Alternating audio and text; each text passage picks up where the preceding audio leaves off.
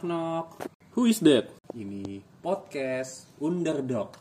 Under dong pak, under lu kata Jerman lu kata. Nggak apa-apa, biar keren.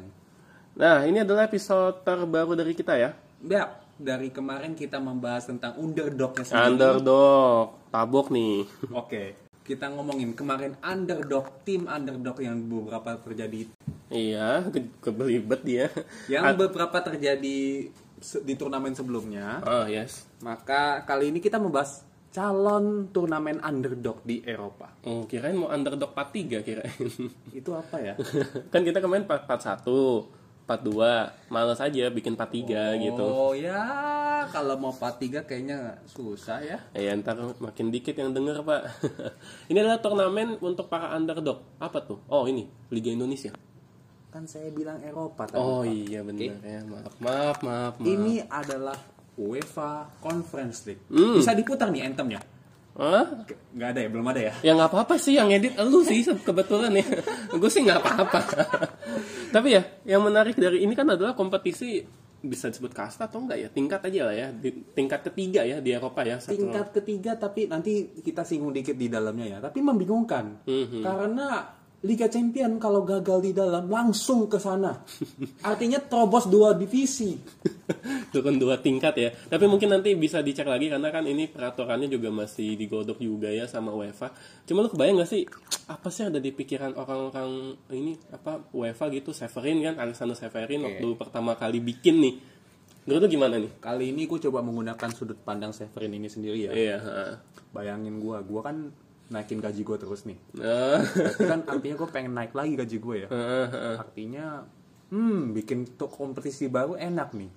Duit makin masuk banyak dikit-dikit oke lah. Hmm, Oh, udah makin naik gaji gue. makanya dari situ ya yang penting memakai diri sendiri. Kalau kalau gue ngebayangin kalau gue ngebayangin gini nih. Eh, tim kan dia kan pasti punya tim ya.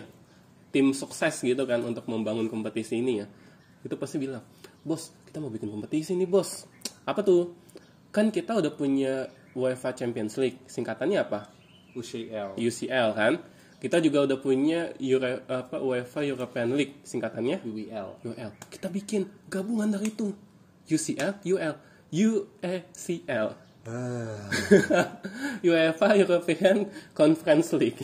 Tapi memang turnamen ini sedikit-sedikit agak-agak aneh. Jadi kita mungkin bahas saja langsung dari dalamnya.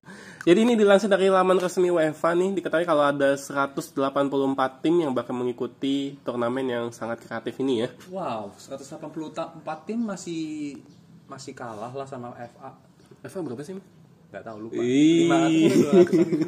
Ya nggak, soalnya kan kalau Piala FA kan dia tim-tim amatir juga main kan. Iya. Tapi babak-babaknya awal banget yang Ya, kayaknya ada pri 1, pri 2, pri 3, babak 1, babak 2, baru babak 3 Premier League masuk. Hmm, Oke, terima kasih Bapak pengamat Sunday League.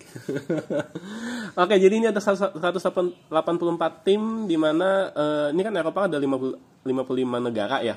Setiap negaranya wajib menyumbangkan satu tim. Jadi Inggris tuh ada tuh nanti. Tapi 184 timnya itu apakah langsung di dalam digrupin atau dikualifikasi dulu? Oh enggak lah, kualifikasi dulu. Jadi dia ada tingkatan-tingkatannya. Karena eh, fakta menariknya adalah tidak ada tim yang bisa langsung masuk ke babak grup. Jadi semua harus melewati fase kualifikasi, kualifikasi. Tapi ada babaknya, misalkan kalau di Piala FA kan baru babak ketiga tuh tim-tim Premier League muncul. Nah kalau untuk kasus ini, Iya, jadi dia dia kan ada tingkatannya, ada tahap 1, tahap 2, tahap 3, ada kualifikasi. Kalau ini hampir sama sih kayak Champions dan Europa League di mana situ nanti dibagi-bagi lagi kayak tim yang koefisiennya dari negara tinggi, misalnya Inggris, Jerman, lima negara top Eropa itu ya masuknya di udah di fase-fase udah fase akhir menuju babak grup gitu. hmm menarik menarik. Berarti ini calon-calon turnamen yang menguras uang ya? Oh, sebenarnya gini ya. Ini gue sedikit kritikan aja ya. Emang ada yang mau nonton ya? Ya yang nonton fans tim itu sendiri sebenarnya. Misal nih ya, kita ambil contoh nggak usah jauh-jauh lah. Eh, Champions League misalnya, babak grup. Misalnya lu fans Arsenal, kan nggak mungkin ya lu fans Spurs ya misalnya. Misalnya Arsenal tiba-tiba lawan Debrecen gitu. Mau, mau, mau nonton dini hari Arsenal Debrecen. Atau lawan CFR Clubs gitu misalnya. Kalau misalkan nggak nonton, bukan fans namanya. Eh, Kan gue bilang fans. cuman fans saya nonton yang lain mah enggak oke okay lah gue bisa paham mungkin kalau misalnya lo fans Arsenal Arsenal CFR Plus mungkin lo akan nonton ya uh, logikanya gitu ya hmm. kalau misalnya CFR Plus lawan Debrecen nah itu yang nonton fansnya mereka ya teman ya sebenarnya kalau untuk fans global menurut gue nih kayaknya nggak bakal ditonton juga sih menurut gue ya mungkin memang tujuan dari pasar UEFA ini adalah tim-tim kecil yang ada di negara-negara misalkan Luxembourg, hmm. Kazakhstan, siapa tuh yang di Baku itu? Azerbaijan, ya mungkin sasarannya itu, tapi nggak tahu ya menurut gua agak-agak insignifikan untuk disaring kalau dalam pandangan gue sendiri gitu. ya itu juga yang mau gue bilang kayak lo ngapain dan lucunya ya kalau misalkan mau menyaring itu berarti kan tim-tim Eropa bisa jadi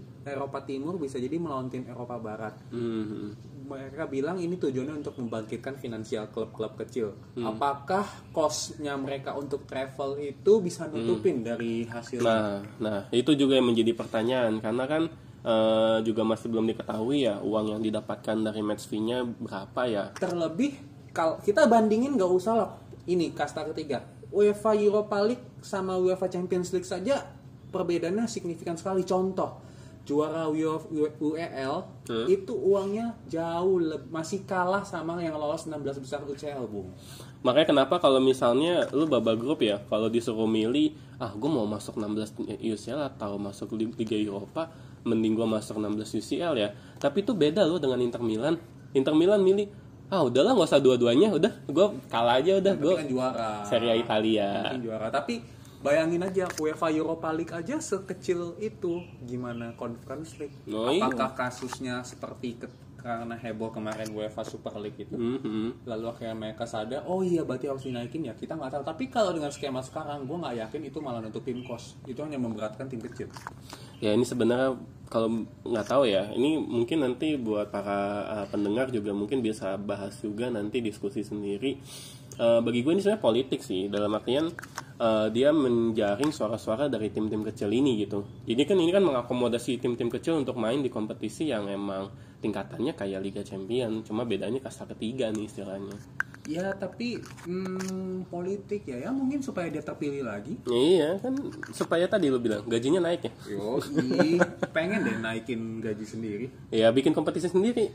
Nggak gitu nggak gitu. Uh, back to the topic ya. Jadi di sini kita lanjutin lagi tentang USCL yang namanya sangat kreatif itu ya. Cuma gabungin doang UCL yang UL gue juga waktu baca kesel banget. Gue ini apaan ini? Ya memang begitu ya. Kurang kreatif lah kayak gitu. Kalau kata Severinnya ya. Kalau kata Severin nih ini uh, kutipan langsung Ya, kompetisi klub UEFA baru akan membuat kompetisi klub-klub lebih ramai dibanding sebelumnya.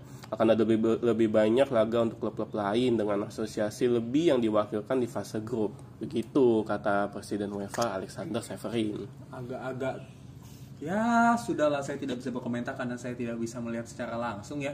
Tapi kalau menurut saya agak-agak manis kata-katanya ya. Oh iya, janji manis. Cuma uh, tadi kan ada satu yang menarik ya, kan dibilang di Liga 5 Liga top Eropa itu ada satu tim yang masuk. Itu adalah peringkat ke-6 atau ke-7. Lu kalau lihat di liga ini saat ini, tau nggak peringkat ke-7 siapa? Peringkat ke-7 sekarang itu Spurs ya? Enggak, enggak, Liverpool. Jadi lu bayangin nih, seorang juara Liga Champions